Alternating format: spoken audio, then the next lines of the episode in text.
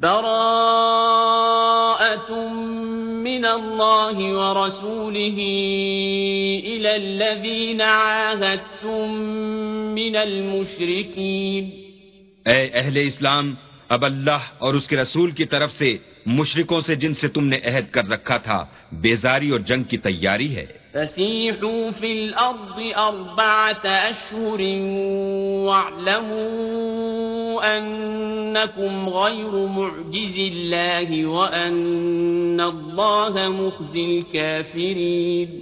تو مشرکو تم زمین میں چار مہینے چل پھر لو اور جان رکھو کہ تم اللہ کو آجز نہ کر سکو گے اور یہ بھی کہ اللہ کافروں کو رسوا کرنے والا ہے۔ وَأَذَانٌ مِّنَ اللَّهِ وَرَسُولِهِ إِلَى النَّاسِ يَوْمَ الْحَجِّ الْأَكْبَرِ أَنَّ اللَّهَ بَرِيءٌ مِّنَ الْمُشْرِكِينَ وَرَسُولُهُ فَإِن تُبْتُمْ فَهُوَ خَيْرٌ لَكُمْ وَإِن تَوَلَّيْتُمْ فَاعْلَمُوا أَنَّكُمْ غَيْرُ مُعْجِزِ اللَّهِ وَبَشِّرِ الَّذِينَ كَفَرُوا بِعَذَابٍ أَلِيمٍ اور حج اکبر کے دن اللہ اور اس کے رسول کی طرف سے لوگوں کو آگاہ کیا جاتا ہے کہ اللہ مشرکوں سے بیزار ہے اور اس کا رسول بھی ان سے دستبردار ہے۔ بس اگر تم توبہ کر لو تو تمہارے حق میں بہتر ہے۔ اور اگر نہ مانو اور اللہ سے مقابلہ کرو تو جان رکھو کہ تم اللہ کو ہرا نہیں سکو گے اور اے پیغمبر، کافروں کو دکھ دینے والے عذاب کی خبر سنا دو۔ من المشركين ثم لم ينقصوكم شيئا ولم يظاهروا عليكم أحدا فأتموا إليهم عهدهم إلى مدتهم إن الله يحب المتقين البتہ جن مشرکوں کے ساتھ تم نے عہد کیا ہو اور انہوں نے تمہارا کسی طرح کا قصور نہ کیا ہو اور نہ تمہارے مقابلے میں کسی کی مدد کی ہو، تو جس مدت تک ان کے ساتھ عہد کیا ہو، اسے پورا کرو کہ اللہ پرہیزگاروں کو دوست رکھتا ہے۔ فَإِذَا انسلخ الْأَشْهُرُ الْحُرُمُ فَقُتُلُوا الْمُشْرِكِينَ حَيْثُ وَجَدْتُمُوهُمْ وَخُذُوهُمْ وَاحْصُرُوهُمْ وَاقْعُدُوا لَهُمْ كُلَّ مَرْصَدٍ فإن تابوا وأقاموا الصلاة وآتوا الزكاة فخلوا سبيلهم غفور جب عزت کے مہینے گزر جائیں تو مشرکوں کو جہاں پاؤ قتل کر دو اور پکڑ لو اور گھیر لو اور ہر گھات کی جگہ ان کی طاق میں بیٹھے رہو۔ پھر اگر وہ توبہ کر لیں اور نماز پڑھنے اور زکوٰۃ دینے لگیں تو ان کی راہ چھوڑ دو۔ بے شک اللہ بخشنے والا مہربان ہے۔ وَإِنْ أَحَدٌ مِّنَ الْمُشْرِكِينَ اسْتَجَارَكَ فَأَجِرْهُ حَتَّى يَسْمَعَ كَلَامَ اللَّهِ ثُمَّ أَبْلِغْهُ مَأْمَنَهُ ذَلِكَ بِأَنَّهُمْ قَوْمٌ لَا يَعْلَمُونَ۔ اور اگر کوئی مشرک تم سے پناہ کا خواستگار ہو تو اس کو پناہ دو یہاں تک کہ کلام خدا سننے لگے۔ پھر اس کو امن کی جگہ واپس پہنچا دو۔ اس لیے کہ یہ بے خبر لوگ ہیں۔ كيف يكون للمشركين عهد عند الله وعند رسوله إلا الذين عاهدتم عند المسجد الحرام؟ إلا الذين عاهدتم عند المسجد الحرام فما استقاموا لكم فاستقيموا لهم إن الله يحب المتقين بھلا مشرکوں کے لیے جنہوں نے عہد توڑ ڈالا اللہ اور اس کے رسول کے نزدیک عہد کیوں کر قائم رہ سکتا ہے؟ ہاں جن لوگوں کے ساتھ تم نے مسجد محترم یعنی خانہ کعبہ کے نزدیک عہد کیا ہے، اگر وہ اپنے عہد پر قائم رہیں، تو تم بھی اپنے قول و قرار پر قائم رہو۔ بے شک اللہ پرہیزگاروں کو دوست رکھتا ہے۔ كيف وإن يظهروا عليكم لا يرقبوا فيكم إلا ولا ذمة۔ يرضونكم بأفواههم وتأبى قلوبهم وأكثرهم فاسقون. بھلا ان سے عہد کیوں کر پورا کیا جائے؟ جب ان کا یہ حال ہے کہ اگر تم پر غلبہ پالیں، تو نہ قرابت کا لحاظ کریں، نہ عہد کا۔ یہ منہ سے تو تمہیں خوش کر دیتے ہیں، لیکن ان کے دل ان باتوں کو قبول نہیں کرتے اور ان میں اکثر نافرمان ہیں۔ اشتروا بآيات الله ثمنا قليلا فصدوا عن سبيله إنهم ساء ما كانوا يعملون یہ اللہ کی آیتوں کے عوض تھوڑا سا فائدہ حاصل کرتے اور لوگوں کو اللہ کے رستے سے روکتے ہیں۔ کچھ شک نہیں کہ جو کام یہ کرتے ہیں برے ہیں۔ لا يرقبون في مؤمن إلا ولا ذمة. وأولئك هم المعتدون. یہ لوگ کسی مومن کے حق میں نہ تو رشتہ داری کا پاس کرتے ہیں نہ عہد کا اور یہ حد سے تجاوز کرنے والے ہیں۔ فَإِن تَابُوا وَأَقَامُوا الصَّلَاةَ وَآتَوُا الزَّكَاةَ فَإِخْوَانُكُمْ فِي الدِّينِ. وَنُفَصِّلُ الْآيَاتِ لِقَوْمٍ يَعْلَمُونَ.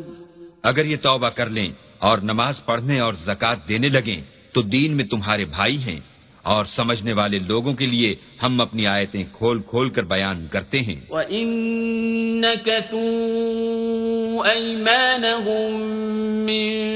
بَعْدِ عَهْدِهِمْ وَطَعَنُوا فِي دِينِكُمْ فَقَاتِلُوا أَئِمَّةَ الْكُفْرِ إِنَّهُمْ لَا أَيْمَانَ لَهُمْ فقاتلوا أئمة الكفر إنهم لا أيمان لهم لعلهم ينتهون اور اگر عہد کرنے کے بعد اپنی قسموں کو توڑ ڈالیں اور تمہارے دین میں تانے کرنے لگیں، تو ان کفر کے پیشواؤں سے جنگ کرو۔ یہ بے ایمان لوگ ہیں اور ان کی قسموں کا کچھ اعتبار نہیں۔ عجب نہیں کہ اپنی حرکات سے باز آ جائیں۔ ألا تقاتلون قوما نكثوا أيمانهم وهموا بإخراج الرسول وهم بدأوكم أول مرة أتخشونهم فالله أحق أن تخشوه إن كنتم مؤمنين بھلا تم ایسے لوگوں سے کیوں نہ لڑو؟ جنہوں نے اپنی قسموں کو توڑ ڈالا اور پیغمبر اللہ کے جلا وطن کرنے کا عزم مسمم کر لیا اور انہوں نے تم سے عہد شکنی کی ابتدا کی۔ کیا تم ایسے لوگوں سے ڈرتے ہو؟ حالانکہ ڈرنے کے لائق اللہ ہے بشرطے کے ایمان رکھتے ہو۔ قاتلوهم يعذبهم الله بأيديكم ويخزهم وينصركم عليهم ويشف صدور قوم مؤمنين۔ ان سے خوب لڑو۔ اللہ ان کو تمہارے ہاتھوں سے عذاب میں ڈالے گا اور رسوا کرے گا اور تم کو ان پر غلبہ دے گا اور مومن لوگوں کے سینوں کو شفا بخشے گا۔ وَيُذْهِبْ غَيْظَ قُلُوبِهِمْ وَيَتُوبُ اللَّهُ عَلَى مَن يَشَاءُ وَاللَّهُ عَلِيمٌ حَكِيمٌ۔ اور ان کے دلوں سے غصہ دور کرے گا اور جس پر چاہے گا رحمت کرے گا۔ اور اللہ سب کچھ جانتا اور حکمت والا ہے ام حسبتم ان تتركوا ولما يعلم الله الذين جاهدوا منكم ولم يتخذوا من دون الله ولا رسوله ولم يتخذوا من دون الله ولا رسوله ولا المؤمنين وليجة والله خبير بما تعملون کیا تم لوگ یہ خیال کرتے ہو کہ بے آزمائش چھوڑ دیے جاؤ گے؟ اور ابھی تو اللہ نے ایسے لوگوں کو متمیز کیا ہی نہیں، جنہوں نے تم میں سے جہاد کیے اور اللہ اور اس کے رسول اور مومنوں کے سوا کسی کو دلی دوست نہیں بنایا۔ اور اللہ تمہارے سب کاموں سے واقف ہے۔ ما كان للمشركين أن يعمروا مساجد الله شاهدين على أنفسهم بالكفر أولئك حبطت أعمالهم وفي النار هم خالدون۔ مشرکوں کو زیبا نہیں کہ اللہ کی مسجدوں کو آباد کریں۔ جبکہ وہ اپنے آپ پر کفر کی گواہی دے رہے ہوں۔ ان لوگوں کے سب اعمال بیکار ہیں اور یہ ہمیشہ دوزخ میں رہیں گے۔ انما يعمر مساجد الله من آمن بالله واليوم الآخر وأقام الصلاة وآتى الزكاة ولم يخش إلا الله وأقام الصلاة وآت الزكاة ولم يخش إلا الله فعسى أولئك أن يكونوا من المهتدين اللہ کی مسجدوں کو تو وہ لوگ آباد کرتے ہیں جو اللہ پر اور روز قیامت پر ایمان لاتے اور نماز پڑھتے اور زکوٰۃ دیتے ہیں اور اللہ کے سوا کسی سے نہیں ڈرتے۔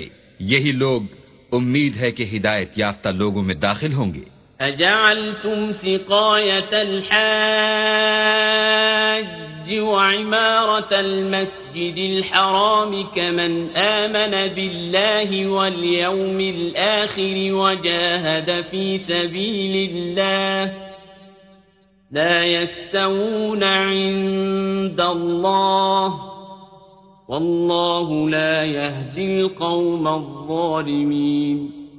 کیا تم نے حاجیوں کو پانی پلانا اور مسجد محترم یعنی خانہ کعبہ کو آباد کرنا اس شخص کے اعمال جیسا خیال کیا ہے جو اللہ اور روز آخرت پر ایمان رکھتا ہے اور اللہ کی راہ میں جہاد کرتا ہے؟ یہ لوگ اللہ کے نزدیک برابر نہیں ہیں۔ اور اللہ ظالم لوگوں کو ہدایت نہیں دیا کرتا۔ الذين آمنوا وهاجروا وجاهدوا في سبيل الله بأموالهم وأنفسهم أعظم درجة عند الله وأولئك هم الفائزون۔ جو لوگ ایمان لائے اور وطن چھوڑ گئے اور اللہ کی راہ میں مال اور جان سے جہاد کرتے رہے۔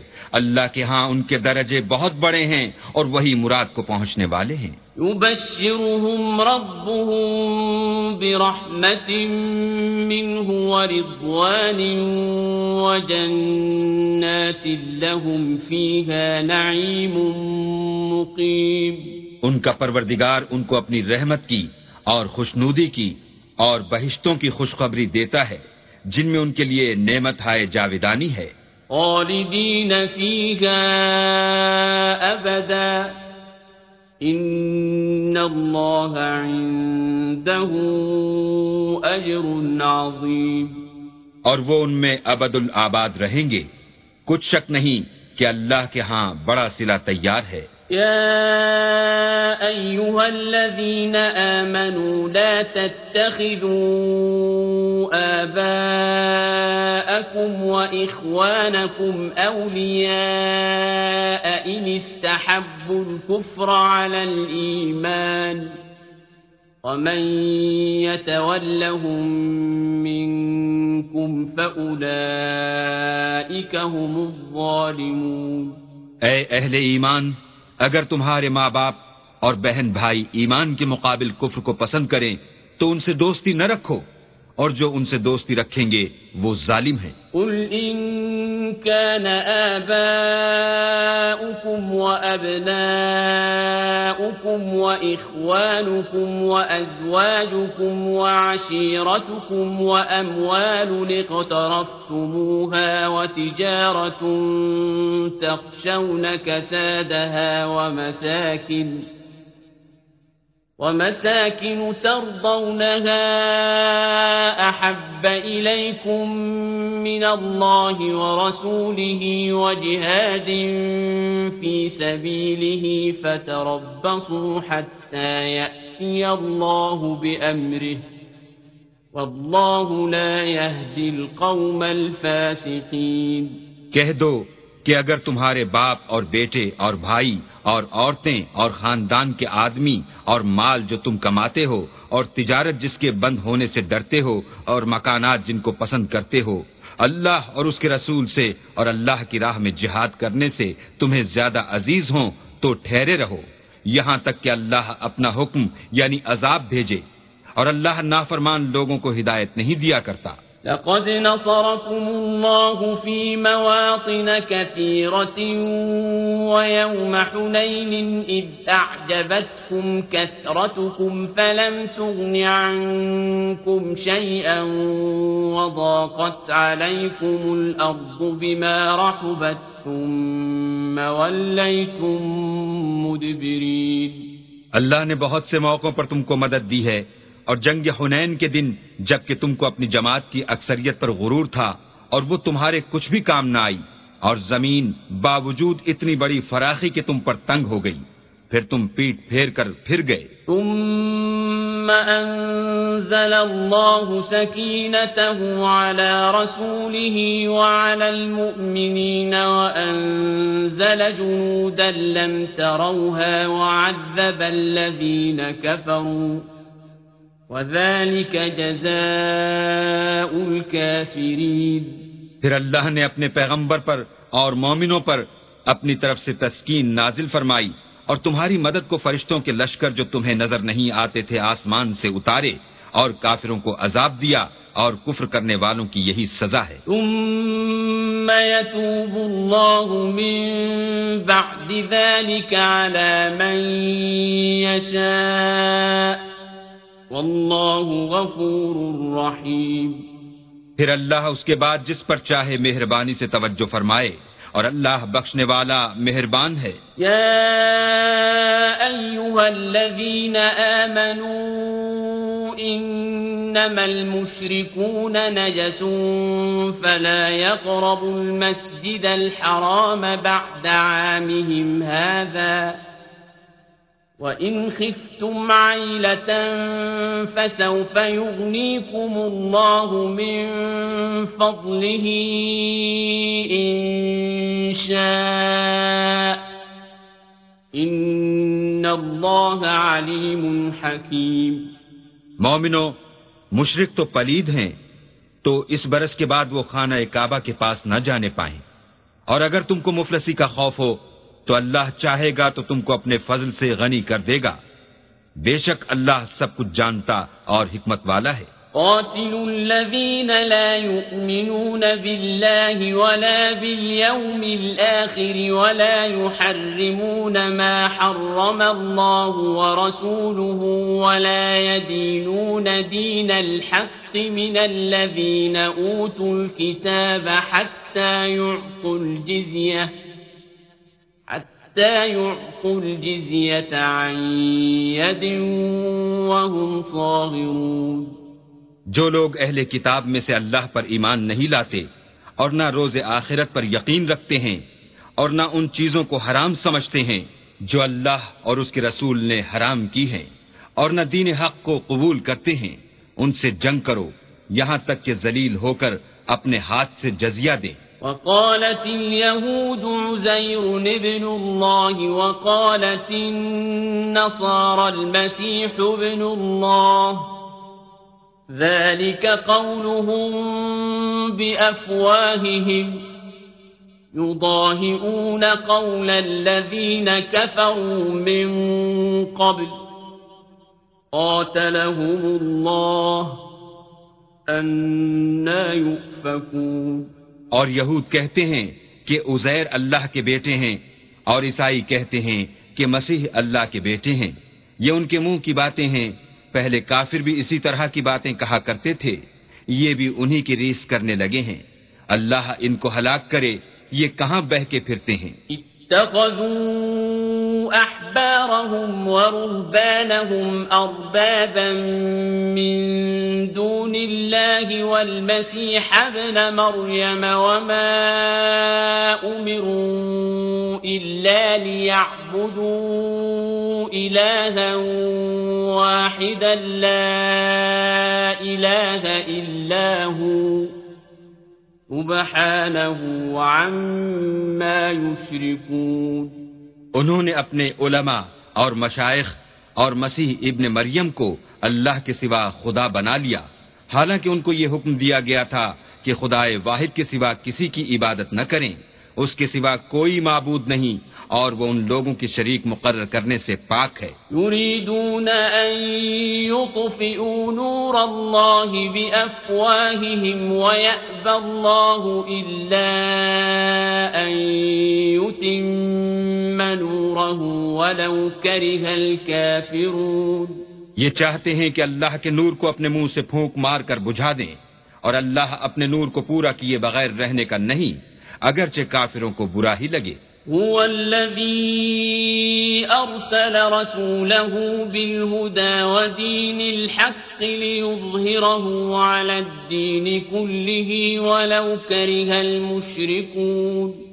وہی تو ہے جس نے اپنے پیغمبر کو ہدایت اور دین حق دے کر بھیجا تاکہ اس دین کو دنیا کے تمام دینوں پر غالب کرے اگرچہ کافر ناخوش ہی ہوں۔ يا أيها الذين آمنوا إن كثيرا من الأحبار والرهبان ليأكلون أموال الناس بالباطل ويصدون عن سبيل الله والذين يكنزون الذهب والفضة ولا ينفقونها في سبيل الله فبشرهم بعذاب أليم. مومنو، اہل کتاب کے بہت سے عالم اور مشائق لوگوں کا مال ناحق کھاتے اور ان کو راہ خدا سے روکتے ہیں اور جو لوگ سونا اور چاندی جمع کرتے ہیں اور اس کو اللہ کے رستے میں خرچ نہیں کرتے ان کو اس دن کے عذاب علیم کی خبر سنا دو۔ يوم يحمى عليها في نار جهنم فتكوى بها جباههم وجنوبهم وظهورهم هذا ما كنزتم لأنفسكم فذوقوا ما كنتم تكنزون جس دن وہ مال دوزک کی آگ میں خوب گرم کیا جائے گا پھر اس سے ان بخیلوں کی پیشانیاں اور پہلو اور پیٹھیں داغی جائیں گی اور کہا جائے گا کہ یہ وہی ہے جو تم نے اپنے لیے جمع کیا تھا۔ سو جو تم جمع کرتے تھے اب اس کا مزہ چکھو ان عدت الشہور عند اللہ اثنا عشر شہرا فی کتاب اللہ یوم خلق السماوات والارض منها اربعت الحرم ذلك الدین القیم فلا تظلموا فيهن أنفسكم وقاتلوا المشركين كافة كما يقاتلونكم كافة. واعلموا أن الله مع المتقين. اللہ کے نزدیک مہینے گنتی میں بارہ ہیں یعنی اس روز سے کہ اس نے آسمان اور زمین کو پیدا کیا۔ کتاب اللہ میں برس کے بارہ مہینے لکھے ہوئے ہیں، ان میں سے چار مہینے ادب کے ہیں۔ یہی دین کا سیدھا رستہ ہے۔ تو ان مہینوں میں قتال ناحق سے اپنے آپ پر ظلم نہ کرنا، اور تم سب کے سب مشرکوں سے لڑو جیسے وہ سب کے سب تم سے لڑتے ہیں۔ اور جان رکھو کہ اللہ پرہیزگاروں کے ساتھ ہے۔ إنما النسيء زيادة في الكفر يضل به الذين كفروا يحلونه عاما ويحرمونه عاما يحلونه عاما ويحرمونه عاما ليواطئوا عدة ما حرم الله فيحلوا ما حرم الله. زين لهم سوء أعمالهم. والله لا يهدي القوم الكافرين. امن کے کسی مہینے کو ہٹا کر آگے پیچھے کر دینا کفر میں اضافہ کرتا ہے۔ اس سے کافر گمراہی میں پڑے رہتے ہیں۔ ایک سال تو اس کو حلال سمجھ لیتے ہیں اور دوسرے سال حرام، تاکہ ادب کے مہینوں کی جو اللہ نے مقرر کیے ہیں گنتی پوری کر لیں۔ اور جو اللہ نے منع کیا ہے، اس کو جائز کر لیں۔ ان کے برے اعمال ان کو بھلے دکھائی دیتے ہیں۔ اور اللہ کافروں کو ہدایت نہیں دیا کرتا۔ أيها الذين آمنوا ما لكم إذا قيل لكم انفروا في سبيل الله اثاقلتم إلى الأرض أرضيتم بالحياة الدنيا من الآخرة فما متاع الحياة الدنيا في الآخرة إلا قليل مومنو، تمہیں کیا ہوا ہے کہ جب تم سے کہا جاتا ہے کہ اللہ کی راہ میں جہاد کے لیے نکلو، تو تم کاہلی کے سبب سے زمین پر گرے جاتے ہو؟ یعنی گھروں سے نکلنا نہیں چاہتے؟ کیا تم آخرت کی نعمتوں کو چھوڑ کر دنیا کی زندگی پر خوش ہو بیٹھے ہو؟ دنیا کی زندگی کے فائدے تو آخرت کے مقابل بہت ہی کم ہیں۔ إلا تنفروا يعذبكم عذابا أليما ويستبدل قوما غيركم ولا تضروه شيئا. والله على كل شيء قدير. اگر تم نہ نکلو گے تو اللہ تم کو بڑی تکلیف کا عذاب دے گا اور تمہاری جگہ اور لوگ پیدا کر دے گا جو اللہ کے پورے فرما بردار ہوں گے۔ اور تم اس کو کچھ نقصان نہ پہنچا سکو گے اور اللہ ہر چیز پر قدرت رکھتا ہے الا تنصروه فقد نصره الله إذ أخرجه الذين كفروا ثاني اثنين إذ أخرجه الذين كفروا ثاني اثنين إذ هما في الغار إذ يقول لصاحبه لا تحزن إن الله معنا فأنزل الله سكينته عليه وأيده بجنود لم تروها وجعل كلمة الذين كفروا السفلى وكلمة الله هي العليا والله عزيز حكيم اگر تم پیغمبر کی مدد نہ کرو گے تو اللہ ان کا مددگار ہے۔ وہ وقت تم کو یاد ہوگا جب ان کو کافروں نے گھر سے نکال دیا۔ اس وقت دو ہی شخص تھے جن میں ایک ابو بکر تھے، دوسرے خود رسول اللہ۔ جب وہ دونوں غار سور میں تھے، اس وقت پیغمبر اپنے رفیق کو تسلی دیتے تھے کہ غم نہ کرو، اللہ ہمارے ساتھ ہے۔ تو اللہ نے ان پر تسکین نازل فرمائی اور ان کو ایسے لشکروں سے مدد دی جو تم کو نظر نہیں آتے تھے اور کافروں کی بات کو پست کر دیا۔ اور بات تو اللہ ہی کی بلند ہے اور اللہ زبردست اور حکمت والا ہے۔ انفروا خفافا وثقالا وجاهدوا بأموالكم وأنفسكم في سبيل الله ذلكم خير لكم إن كنتم تعلمون۔ تم سب بار رہو یا گراں بار یعنی مال و اسباب تھوڑا رکھتے ہو یا بہت گھروں سے نکل آؤ اور اللہ کے رستے میں مال اور جان سے لڑو، یہی تمہارے حق میں بہتر ہے بشرتے کے سمجھو۔ لو كان عرضا قريبا وسفرا قاصدا لاتبعوك، ولكن بعدت عليهم الشقة. وسيحلفون بالله لو استطعنا لخرجنا معكم يهلكون أنفسهم والله يعلم إنهم لكاذبون اگر مال غنیمت، سہل الحصول اور سفر بھی ہلکا ہوتا، تو تمہارے ساتھ شوق سے چل دیتے۔ لیکن مسافت ان کو دور دراز نظر آئی تو عذر کریں گے اور اللہ کی قسمیں کھائیں گے کہ اگر ہم طاقت رکھتے تو آپ کے ساتھ ضرور نکل پڑتے۔ یہ ایسے عذروں سے اپنے تئیں ہلاک کر رہے ہیں۔ اور اللہ جانتا ہے کہ یہ جھوٹے ہیں۔ عفى الله عنك لما أذنت لهم حتى يتبين لك الذين صدقوا وتعلم الكاذبين اللہ تمہیں معاف کرے تم نے پیشتر اس کے کہ تم پر وہ لوگ بھی ظاہر ہو جاتے جو سچے ہیں اور وہ بھی تمہیں معلوم ہو جاتے جو جھوٹے ہیں۔ ان کو اجازت کیوں دی؟ لا يستأذنك الذين يؤمنون بالله واليوم الآخر أن يجاهدوا بأموالهم وأنفسهم والله عليم بالمتقين۔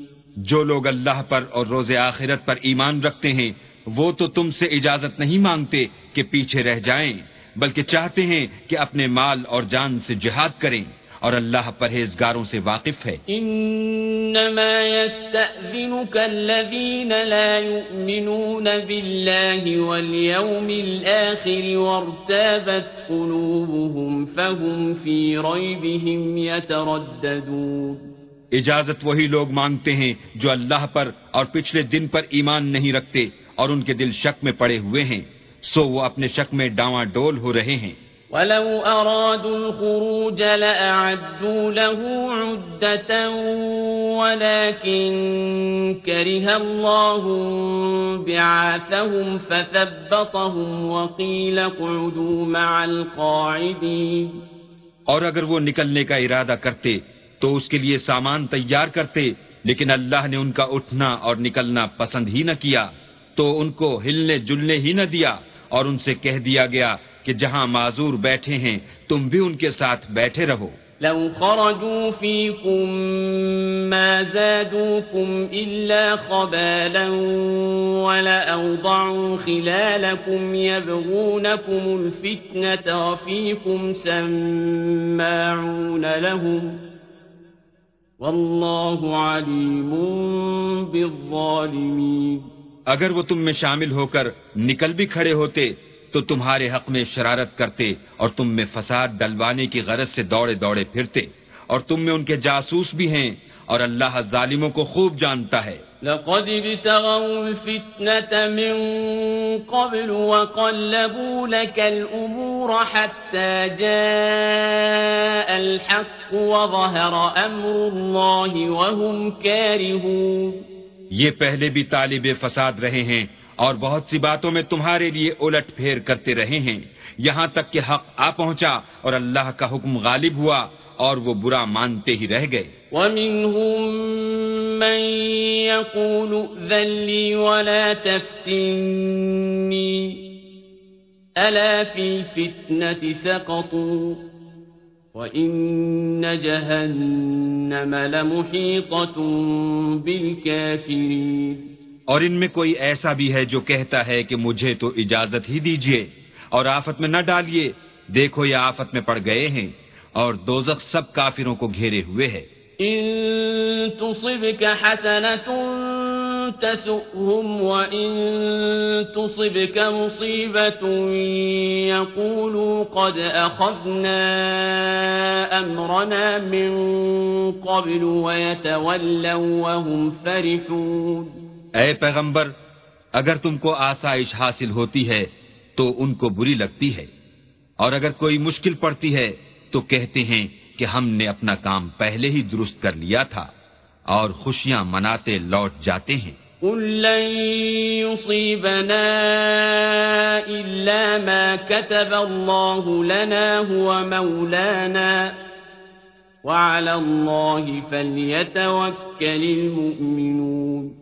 کہہ دو کہ ہم کو کوئی مصیبت نہیں پہنچ سکتی بجز اس کے جو اللہ نے ہمارے لیے لکھ دی ہو وہی ہمارا کارساز ہے۔